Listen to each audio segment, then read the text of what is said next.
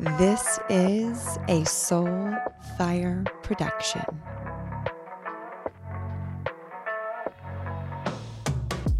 Welcome to the Embodied Woman podcast. If you are new, well, hi, welcome. If you're a regular, welcome back. I love you.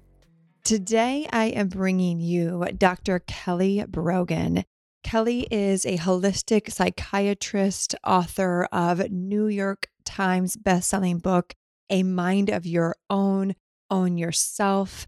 She is the founder of the online healing program Vital Mind Reset and an overall leader in the feminine empowerment, embodiment, wealth space, and really gives, in my opinion, permission to women to own their sovereignty, to heal the parts of them that are truly keeping them back from stepping into their fully embodied feminine essence and overall power. In this conversation with Dr. Kelly, she shares her journey with from conscious BDSM to her view on the feminist movement and a lot more taboo topics that we like to go in here on the show. So enjoy this conversation with Dr. Kelly Brogan. I'll see you on the other side. Welcome to the Embodied Woman podcast. I am sitting here with Kelly Brogan, who I am so excited to drop in with, to weave magic, and to see what wants to be uncovered and unfolded. So, welcome to the show, Kelly. It's a pleasure. Thank you. Yes. Before we dive in, what does being an embodied woman mean to you? Mm. I have really explored this over the past several years and I my sense is that there is a collective definition for that and a very very personal one and I will answer for myself which is mm-hmm. to say that it is an understanding of my body as a vessel for communication of divine energy of God's energy and there are gifts and creative sparks and all dimensions of pleasure that become available when we align with this vessel through that understanding and lens. Mm, beautifully put. And how do you feel? You mentioned collective. How do you feel the collective has evolved or de evolved, whatever direction you want to go, um, the essence of what it means to be an embodied woman? I think that by design, we are really riding a pendulum swing away from this segregation and divorce from the body as sacred, as animated, as infused with eros. And we have, all of us, men and women, really taken the bait of what it might be to transcend this vessel. You know, Steiner, my kids attended a Waldorf school for a few years, and I've been interested in anthroposophical medicine and Steiner's work. And, you know, he talks about these different, if I could summarize, you know, which is not easy to do, but these different ends of the spectrum, right? There's luciferic and there's ahrimanic. And the luciferic end of the spectrum is not sort of colloquially what we think of when we think of, you know, that word, but it's really the impulse to rise into the light, right? To mm-hmm. transcend. And so much of New Age spirituality, again, as a conspiracy realist, I would mm-hmm. say it's by design, it's agenda driven. However, regardless of the motive, so much of New Age spirituality is with that intent escape the struggles of form, right? Like get out of that dirty body and, you know, have energetic eye gazing sex and commune in the oneness and play around in the unified field right? And the ahrimanic impulse is is the opposite. It's what i was you know raised up in especially in my allopathic training as a physician where you know it's just about the material. It's about what you can measure. It is you know buttons and levers and the mechanical universe. And there's no such thing as a soul because who who says there is and god is dead you know? So so somewhere in the middle is Christ Mhm. consciousness, and somewhere in the middle is this marriage of form and spirit. And that's called the Mhm. body, right? So, through this middle path, if you will, there is an opportunity to live our experience spiritually through the body vessel and Mhm. to understand and discover our nature, which perhaps is our only responsibility as we walk in this lifetime through the experience of our own body. So we we are sort of like assembling these different fragments of understanding and we've tried out different ways of being, you know, like what is it to be in a machine like conceptualization of the body where there things just break down and it's either bad luck or bad genes or bad timing, you know, and that's it. What is it to just be so disembodied, so outside of your body, whether, you know, through the striving towards that divine light or whether through trauma based dissociation that you don't have a relationship you know to what this body is and its you know messy parts and you know all of the aspects we would rather not own. And somehow we're finding our way into this space where the body is expressing you know i like to say it the body my body tells me about me you know that's what's Mhm. happening it's a conversation all about me and you know if i triangulate against that conversation which we've been encouraged to do especially through conventional medicine then i'm essentially at war with myself and Mm. it might feel nice to collude with someone else against what feels challenging however in the end there's no winning of course you know that war yeah What has led you on this path of remembrance to be in your body, to know that Mhm. your body is is yours and to be in conversation with it? Mm. So I guess a, an, an essential part of my narrative is that I, um, I think when I look back, it seems to be related to my incapacity on a nervous system level to hold human suffering, like in my system. And when I was at MIT in college, I volunteered at a suicide hotline called Nightline, Mhm. and we would take calls and some of the calls would be like, "Oh, what's the number for Domino's Pizza?" So like very sort of like mundane and then every once in a while there'd be a call that was like a distress call and our job was to not only help support somebody in that active crisis but to get them to the mental health center, right? Like get them in touch with mm-hmm. psychiatrists and likely medicated and or hospitalized. And through that experience, I was enculturated to believe that we have cracked the code of human suffering, no need for it anymore psychiatry is here to save the day. And I became a doctor really on that premise.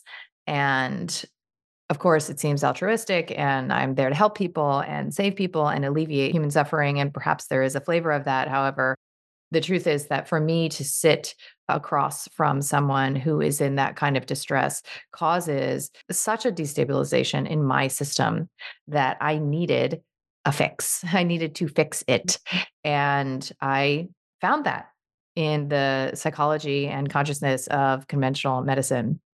And so I, you know, spent all of those years specializing in how to subdue, manage, and suppress all of the aspects of human struggle and and suffering. And that problem solving, you know, solution oriented mindset has its place. You know, I was a perfect match for that system, as was every single patient that I medicated. And I went on to specialize in prescribing to pregnant and breastfeeding women. That's how much I believed in that mm-hmm. modality. And all the while, I, you know, was in that consciousness around my own body, right? So I'd never, I've always been thin. I never really exercised. I literally treated my body like, you know, a garbage dump. you know, like I ate whatever I wanted, lived in yep. Manhattan. Yeah. Like literally, though, like McDonald's, White Yeah. Castle, Popeyes, like candy every day. Yeah. I was just like queen of junk food. And I had never, I didn't meditation, like that whole concept of contemplative practice. I was a hardcore atheist, took birth control just because I didn't want to deal with, you know, whatever the hell. I literally continuous cycled my birth control for 12 years and didn't menstruate during that time.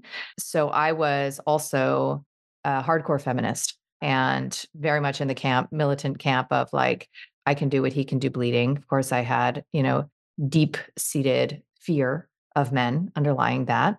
And I was very so so I'm a huge fan of David Deida's work. I don't know if you know his work and you know he talks about these masculine shells that women can develop over their feminine essence and my masculine shell was more effective you know more lucid had greater integrity in ways than most of the men I was ever surrounded by you know I could get shit done on a level I still can on a level that was competitive in the masculine arena so I very much fit into this you know the culture of medicine and this hierarchical system I had opted into. And I didn't see if there what you know what's to see here. There's no problem. Like this seems to be working just fine. And yeah.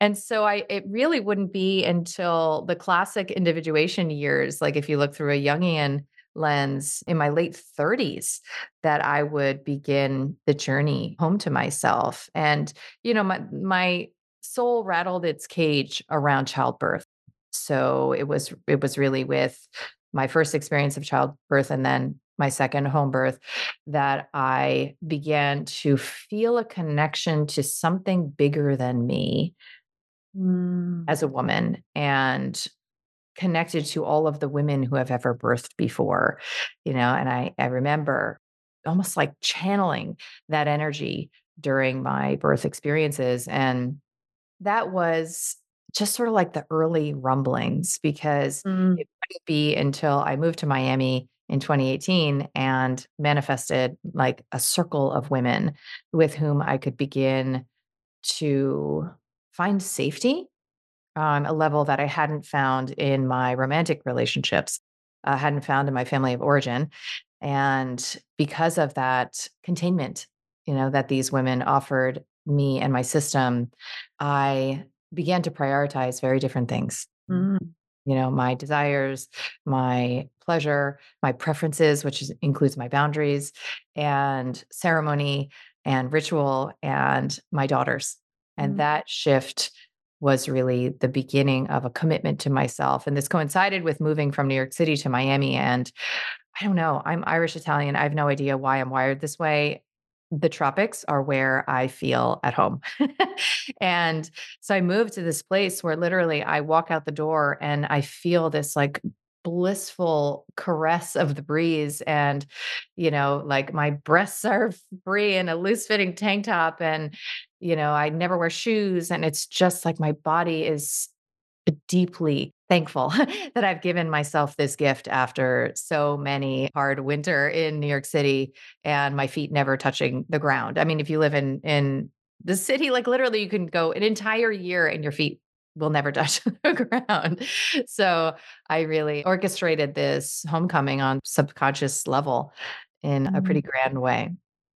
Mm, I feel so many women listening resonate and see a mirror in that journey big time. This is not the first conversation I've had of like the very similar path. Um, it's such a gift. I like the word you use the word homecoming when we allow ourselves to be guided by those breadcrumbs of homecoming. And I too, I lived in my husband and I were in Washington, DC, and then the pandemic happened. And I'm like, get me out of the city, like get me down south. Tropics were part-time yeah. Costa Rica. So like we're in South Carolina now where it's warm and yeah. It's it, it really is like I like yes and and I think I really do I'd love to hear from you. I think more and more women are also following that stream of the hardness of a city or the even the suburbs, right? Into the more lushness of whatever the form of tropics are.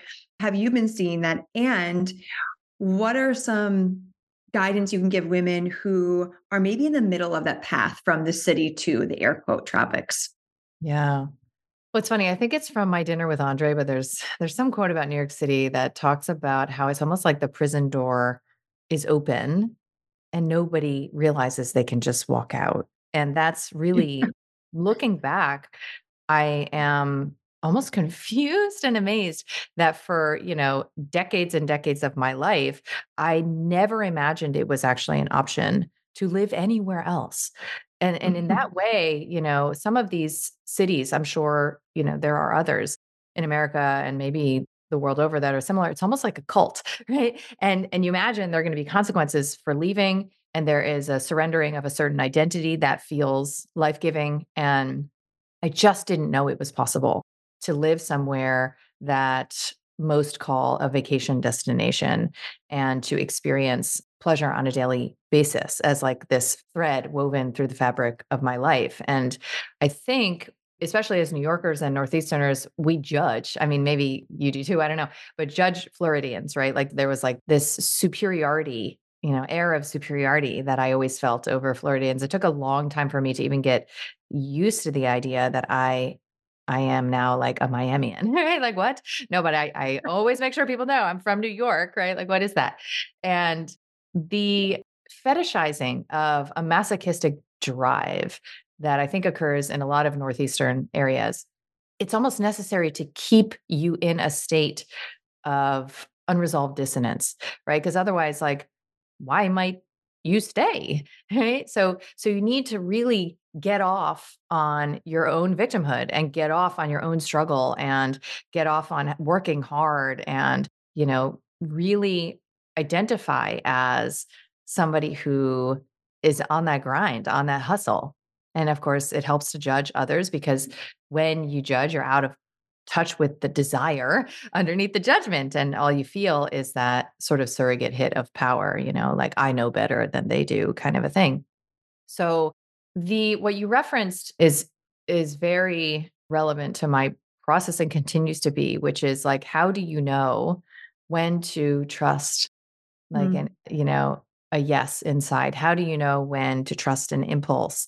We're so brainwashed to again like i said triangulate against ourselves and this happens early in childhood where we begin to like experience our own erotic energy as a source of shame and something that must be referenced through the lens of other people's opinions right like you know this this thing is arising in me this desire this impulse this spark and is it okay right all of you watching me and so i've been in a practice for several years now of always honoring my impulses and they can be you know, super minor. Like yesterday, in the middle of a pretty busy day, like I dropped everything and I decided I was going to get a new phone.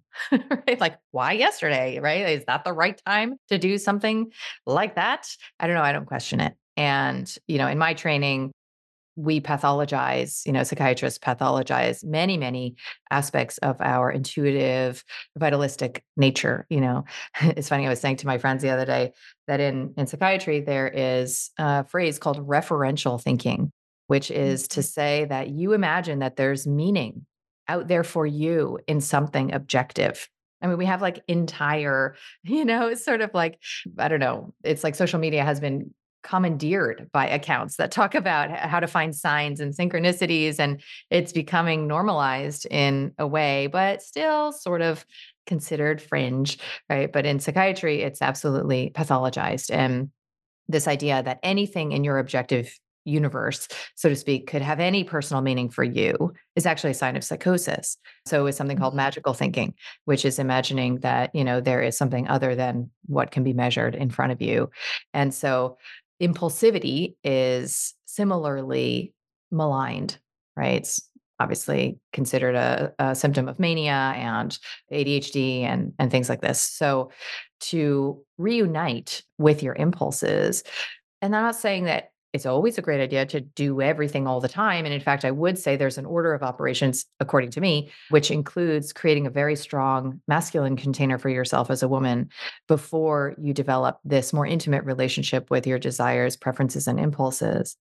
That masculine container will serve in the discernment necessary to translate those impulses into wise action. And honoring your impulses doesn't mean doing the thing. It means turning towards them with curiosity, taking them seriously, making space for them, leaning in. And they can be, like I said, very mundane and little or very big, you know, like time to, it's time for me to leave this blank, you know, job, partnership, house, to really pay attention to that. And you will know when your moment arises and you can mm-hmm. talk yourself out of it, which is what we often do negotiate with yourself because it can feel super scary to align with these impulses and desires. Or you can really, really open that channel and give that, you know, dimension of yourself a seat at the table and begin to live your life, you know, guided by that. Yeah. I think back to in a one and a half year time frame, I was spent the night in jail in Overeaters Anonymous, anger management, got divorced, left my government job all in a year and a half. And I I think back pre-spiritual awakening, right? Well, kind of like in in the muck of the awakening. And I think back and, and if I I remember people thinking I was like losing my mind. I'm like, yeah, I am. Thank you. Like that's yep, that's the goal. but I had at least two people, like my mom and one other person, who, while they didn't understand why I was just going through it all, they held that masculine container of like, I trust that you know what is best for you. Mm. And that, and we can give ourselves that gift. So as you're saying this, you know, just planting the seed for women listening who maybe you're learning to trust yourself or have people in your life that you like truly know have your best interest at heart because they see you. So it's like this dance of that homecoming of of building that masculine trust within us and also if we need that support with a mom or you know anyone that's in your life that can can be that for you and had i think back had i not gone through the the chaos and the the with you know psychologists i'm sure deemed like manic and like just burning shit to the ground and like piecing out right? I wouldn't have met my now partner. Like i wouldn't have the career and the life that i do now. And so you just you put it beautifully of this yeah this transition of of trust. And i would love to hear in this in this world that we're living in where a lot of people are losing trust with the media with food, with doctors, with I'm sure past decisions they've made. How have you seen, and we talked about uh, sprinkled this off air before, feminism, right? How do you feel that the feminist movement created distrust within women in all of the above? Mm. Yes, there's a lot here.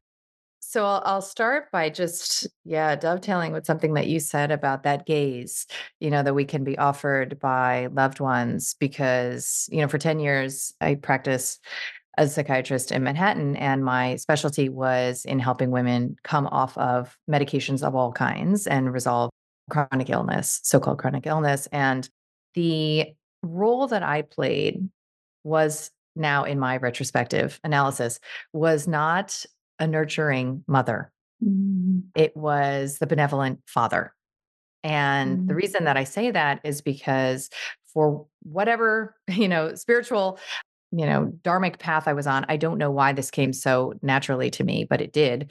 That I could look at a woman who was multiply medicated, fresh out of, you know, the hospital and really at the end of her rope, multiple suicide attempts, et cetera. And I could look at her and see like her in full bloom somehow. Mm. And that came very easily to me, like how I could perceive the grandeur of these women who were beaten down and like chewed up and spit out by the system. And they could sit on my couch and I could literally see them like as goddesses. I don't know, like it, it sounds trite, but like expressing themselves beautiful, like enlivened. And I could hold that vision like a motherfucker, you know, and really fearlessly. I never flinched. And, you know, in my practice, probably 30% of my patients were suicidal actively at any given time. It's a very common meta phenomenon of the psychiatric medication taper experience. And I just never flinched. And I did not have one incident in my entire practice ever.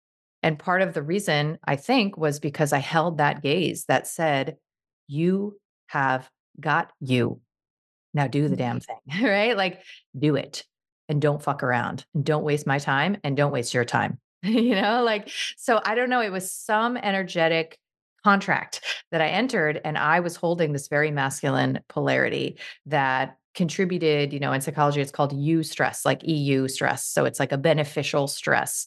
It's not a coddling. And mm-hmm. I didn't use this language at that time, but now, of course, looking back and what emerged as my passionate interest from that space was around the transformation of consciousness from victim consciousness to sovereign consciousness, if you will, mm-hmm. vixen consciousness, you know, whatever the antipode of that is. And, you know, in victim consciousness, you derive a sense of validation through your powerlessness being seen, you know, by another. Right. And what's really happening is like a micro loosh ritual where you're sourcing energy from the person who is pitying you. And that is necessary to sustain your experience. Right. So the poor me needs an ear, and needs a compassionate ear to be heard. And the transformation of that, of course, as you know, like requires taking full and radical responsibility for your experience to an extent that might feel like so called blaming the victim. Right. So I've been accused of this, you know, uh, victim shaming, and I've been accused of being an ableist. There was an entire campaign against me in 2016 when I published a home birth article of all things, and it was called The Ugly Ableism of Dr. Kelly Brogan. And, you know, I I stand by that as being relatively true. I do believe that women can do fucking anything that they want to, you know, birth a baby in your living room to getting off of, you know, meds you've been on for 25 years. Like, yes, you can do that shit. And I have proven it. I've published it in the medical literature for sport. And part of why I am so impassioned about this is because I need in my dark moments, you know, in my moments of blending with my fear, to be reminded of what is possible. And that responsibility can feel like a burden until you begin to enjoy and delight in what is on the other side of literally every challenge, as you just articulated, that you experience without exception. It is the law of polarity. So you move through with curiosity and embrace whatever is in front of you, and there will be something that is an energetic complement to that on the other side. Maybe not always in the perfect timing you would like, right? However, it will make manifest. And so, in this perspective, in this consciousness, you really don't have to trust anyone because you trust your damn self. And when you trust yourself, then you know this is trusting your own inner masculine, right? You know that you will never be put in a situation where your needs cannot be met. You will never find yourself in conditions where you are trying to, I call it buy eggs from the hardware store, right? Source from the impossible place. And you are going to always hold your power of choice close to your heart, right? And that means that you don't have to make anyone or anything bad and wrong in order to make a decision about how you want to orient towards something, right? You want to leave the thing, you want to quit the thing, you want to move from that side of the room to the other. You simply do it. You choose. And you don't have to make some big campaign about why that thing sucks or harmed you or he was such a narcissist or whatever in order for you to boldly align with what is right for you. And so, in that dimensional reality, a lot of psyops dissolve because they are predicated on victim consciousness. And as you referenced, the one that I have been exploring myself pretty deeply the past couple of years is the feminist psyop. Right. So many in the truther space know that feminism was, you know, funded you know, it's a Rockefeller funded, socially engineered enterprise that, at least on one level, was intended to capture children in systematized education and create factory workers out of them, steal their souls and spirits, mm-hmm. and, you know, render them wards of the state in a sense. And then also double the taxpayer pool by putting women into the workplace. And then the best part of these psyops is that we end up the collective we, end up demanding, right? What it is that, of course, was predicted would unfold, right? So that Hegelian dialectic, then you're asking for the very thing they quote unquote want you to ask for as the solution to the problem quote unquote they have created right? And of course all of this is a projection of our own inner you know warfare between our masculine and feminine. So even in these meta situations i personally don't believe that anyone has been victimized and that there is any problem even you know? Like this is this is what's up it's what's up and so in that energy of feminism there is an experience of the validation of all of the anguish and torment and violation that we have experienced as women, that woman is built to experience, that comes with womaning and always has, right? And to feel that we could be empowered, right? So, what's a rung above grief, despair? and terror is anger, right? When you feel angry, you're suddenly infused with energy and life force that wasn't available when you were in that paralyzed state. So, that anger can offer a real surrogate hit of power.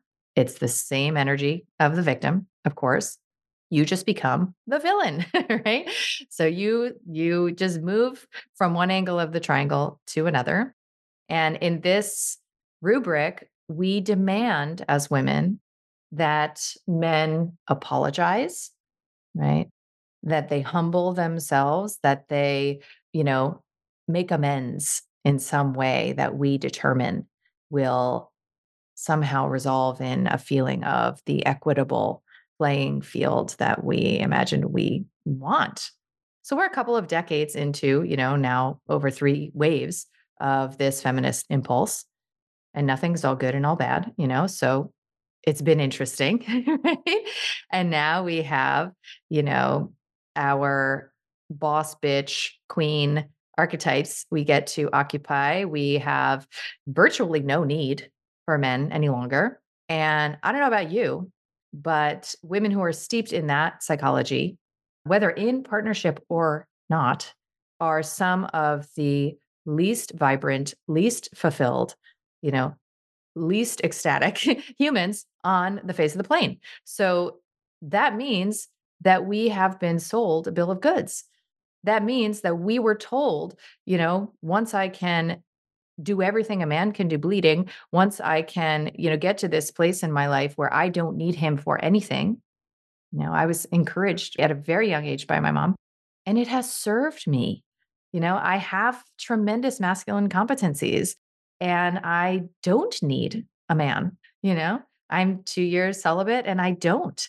And to deny that it is the deep yearning of my heart, you know, to be in union with a dominant man whom I trust, who knows how to handle me in the most loving way would be a gaslight. And I have a sense that I'm not alone. And one of the moments that I had that affirmation is I was presenting at a Weston Price conference last year, and there were like 2,000 people in the room. And there was Q&A at the end and somebody was asking, you know, what do I think about like the gender pronoun, you know, stuff.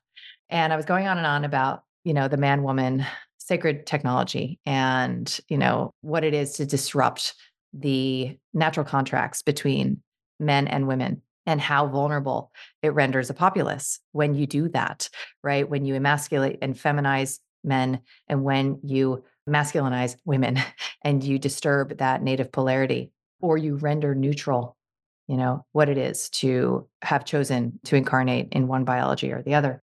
And mm-hmm. anyway, so I said this phrase and I was like, I don't know about you, but most of the women I know want to be well handled by a trustworthy man. And literally, this like ecstatic exhale swept through the room. It was like hundreds of women at once were like, oh, so profound. Yes. Uh, fuck yes. It was it was the permission that I have been granted by others, by the way, because I have many teachers in this realm, the permission to acknowledge that desire to fucking exhale and to stop with the vigilance and to stop with the multitasking and stop with the pretending that the fulfillment that we imagine, you know, is ours to claim in this lifetime could ever be found at the top of some corporate fucking ladder. So, yeah. that validation of our innermost yearning comes after the jailbreak from feminist psychology. And, you know, now I've swung so far from that that I am a fan of, you know, women like Laura Doyle, who wrote The Surrendered Wife, you know, and I am deeply interested in BDSM dynamics. And I am exploring all of the ways that it serves me to ask for help and to appreciate and admire men. And it serves me to live in a world where I respect and honor men for as they present themselves to be. And I don't imagine that I know better how to man than a man. And that is a safe world, you know, the, the world that I want to live in, that my nervous system wants to live in. Yeah. A beautiful thing happens I've seen from my own perspective and witnessing other women when they do go through that shift uh, that I could do fucking everything, but do I want to? No. Like, do I want to have the door open for me? Yes. Do I want to be taken care of? Yes. And whenever we like beautifully put up like that exhale of, oh, we're we're not doing that anymore.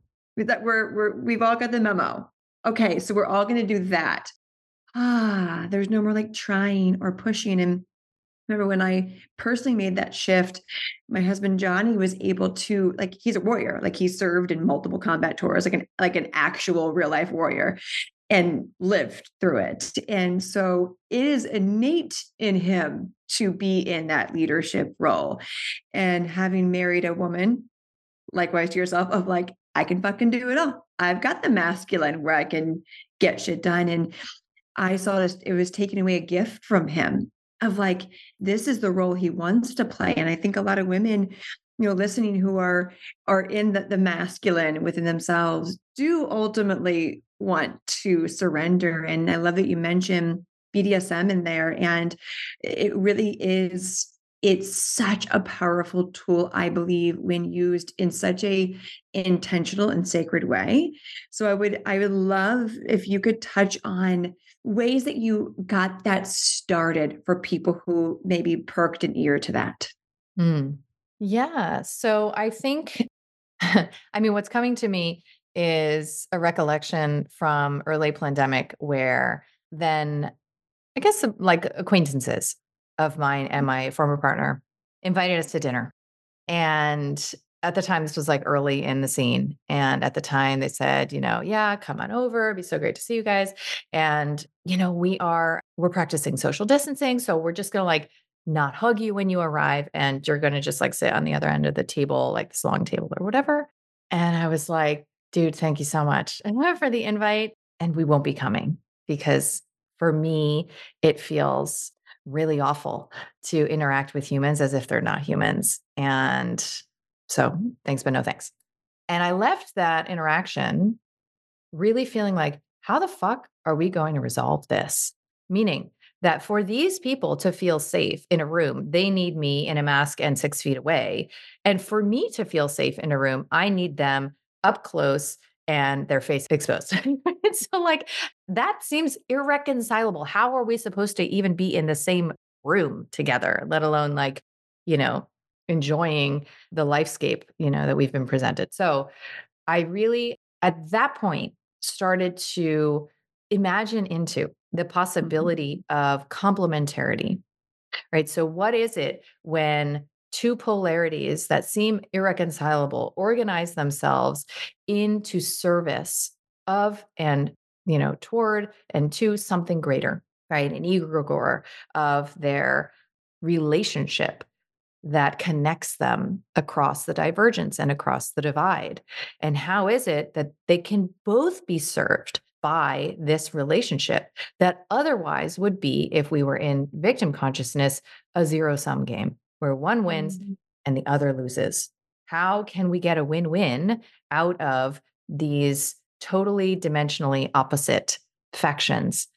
And of course, you know, we have little cosmic winks like the yin yang to offer a roadmap for that and recognizing that it involves seeing yourself in the perpetrator, right? Seeing yourself in the opposite, seeing yourself in the enemy.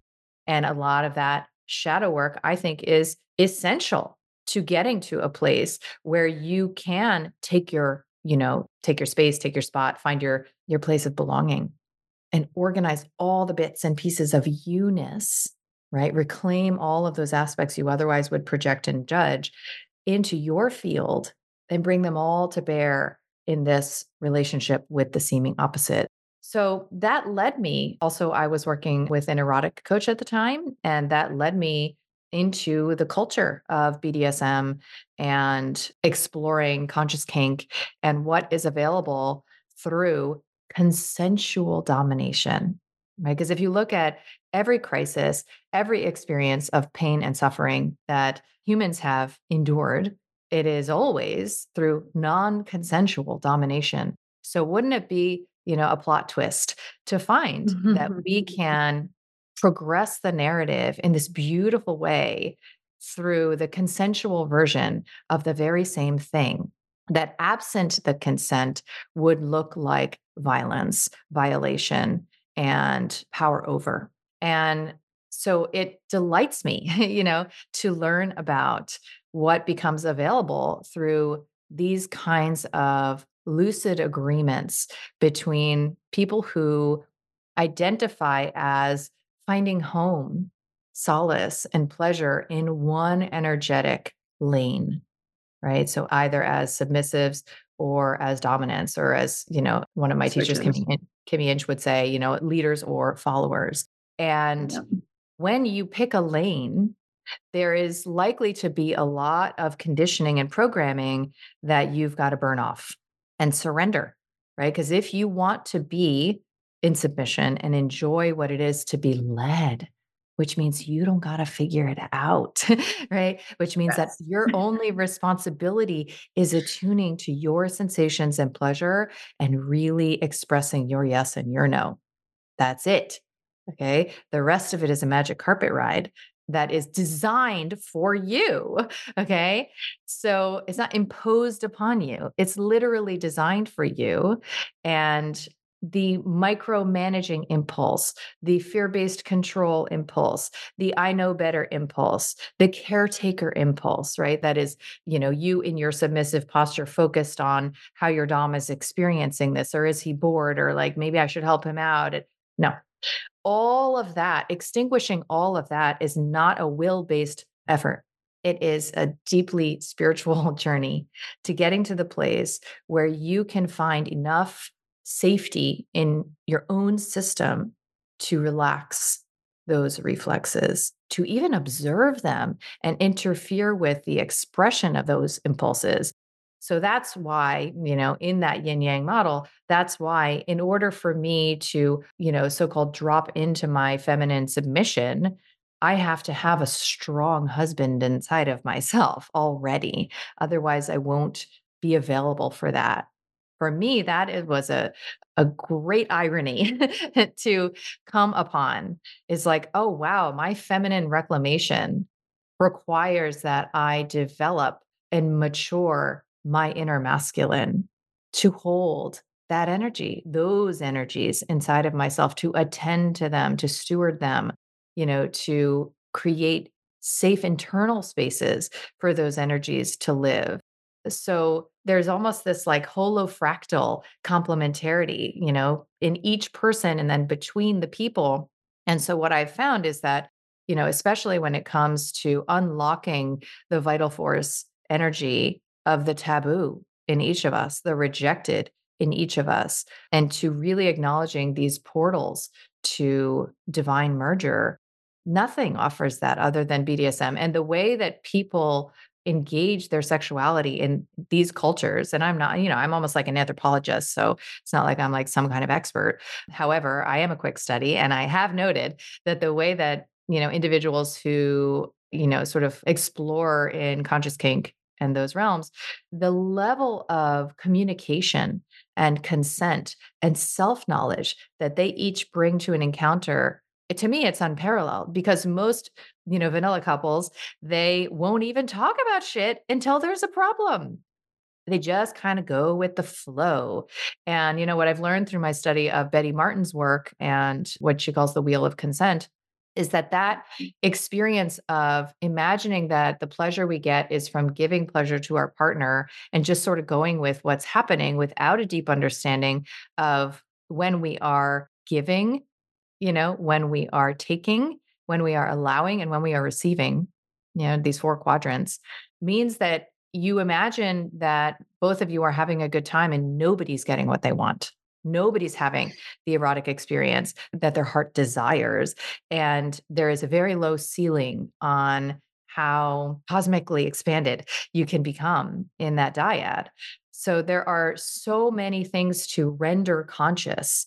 And in this, you know, in these communities, I find that there are conversations happening that most of the rest of us would cringe at if we didn't mm-hmm. understand the importance of personal responsibility for our own bodies and our own experience and what it is to truly take, right? So, a lot of Betty Martin's work is about allowing, sort of offering permission to take pleasure, not just give to get. That's the codependent model, right? But to take pleasure and to really understand what that looks like for you. So, taking pleasure means touching your partner's body for your own pleasure, right? Mm. And most of us, the only experience we have of that is like with our pets, right? Like when you like pet your kitty because it feels good to you, you don't give a shit whether your cat likes it. Like in most of them, if you're me, you don't. Yeah. So, there's just so much for us to organize with intentionality and understanding of who's doing what, when, that can really align us with our embodied entitlement to to pleasure and maybe more right ecstasy even yeah that wheel from betty i highly recommend anyone listening that has not heard of that give that a go with your partner is you can go through you can find on google her whole wheel is just go through each one and learn how each of them that I love the the one I when we first came across the wheel that I struggled with was the like taking my pleasure. I'm like, well, are you are you okay? You good? And it was like, oh fuck. like, yeah, it's, it, that's it, some deep, deep conditioning there. Right. It's it's a beautiful wheel because it really does, I believe, show us those aspects that are like, oh wow, okay, this is some people pleasing in here, some whatever that is. So I, I, love that you referred that wheel. It's gold. And I I believe how we do one thing is how we do most things, if not everything, if I could be honest. And when it comes to BDSM, were you able to, because I know my perspective, but were you able to see that? that surrendering also show up in your business and in life did that bleed out into other areas absolutely so now every time i am interacting with anyone and and this is just energetics, right? So this is not even man woman relating.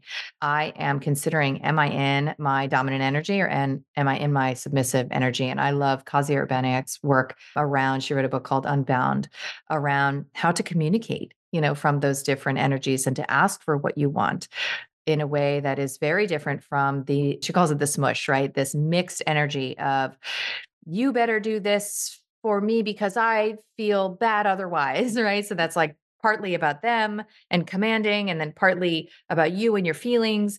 And it disorients people. You know, they're like, what is happening here? How do I organize around you? So when you can get clear, then you can come into that complementarity with every and an appropriate vulnerability with every single interaction.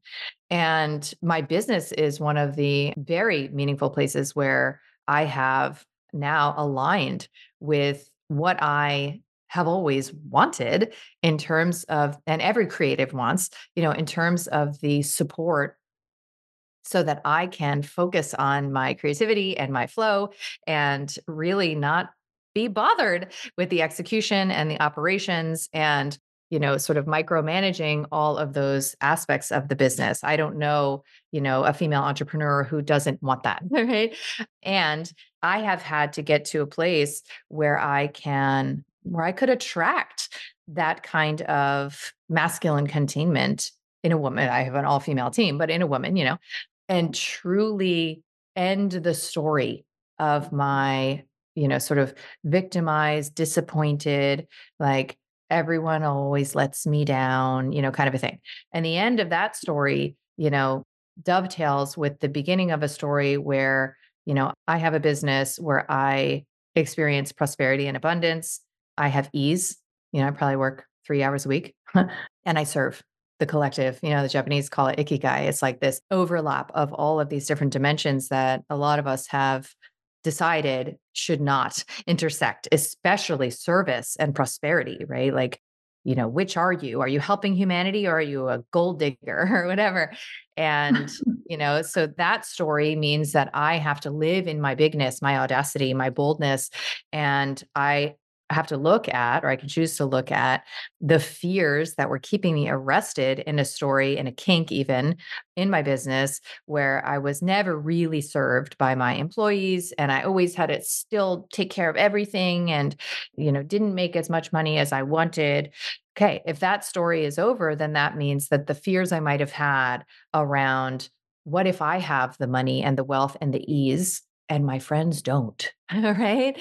Or my family doesn't. What does that mean? Does that mean I have to take care of everybody? Does that mean I can never celebrate it because they're going to want it? Like all of these shadow desires that were fulfilled by the smaller version of my business experience, right? So the transition into this new dimension was not just about like how do i attract the perfect masculine container you know marketing director operations manager and what am i doing wrong not to do that? It was at least for me to get very real about why i didn't want that when i said i did and that helped me to see the very valid reasons that i was playing it small. Beautifully put. Oh my goodness how can people connect with you, Kelly, and find you? Because you are just like a Pandora's box of so much goodness. I'll take that description. So I have started a podcast a year ago, actually, amazingly, called Reclamation Radio, where I talk about, you know, whatever the hell I want to, including these kinds of partially baked and minimally baked sometimes topics that are just running through me. And yeah, and then otherwise, my offerings for women are available on my site, kellybroganmd.com. And your Instagram handle, what's that? Is the same. Everything is, yeah, the same. I'm still rocking that MD. Love it. I love it. Oh, thank you for your wisdom, for dropping in and just allowing the magic, the conversation to unfold, for bringing awareness to the openness to new ways of seeing things because i i have a feeling a lot of women are craving that listening to this right now and you open that door to what's possible. And thank you for that and thank you for the wisdom you're bringing the world for the light that you are bringing the world and talking about things as we know that need i believe to be talked about and not always want to be heard so thank you for walking the talk oh, this was so fun. Thank you. Thank you, everyone, for tuning in. Go give Kelly a follow. Share what your golden nugget is, whatever your takeaway was, if you so feel called. And as always, as always, choose happiness, choose rage, whatever the fuck it is, choose it. Talk to you on the next episode. Bye.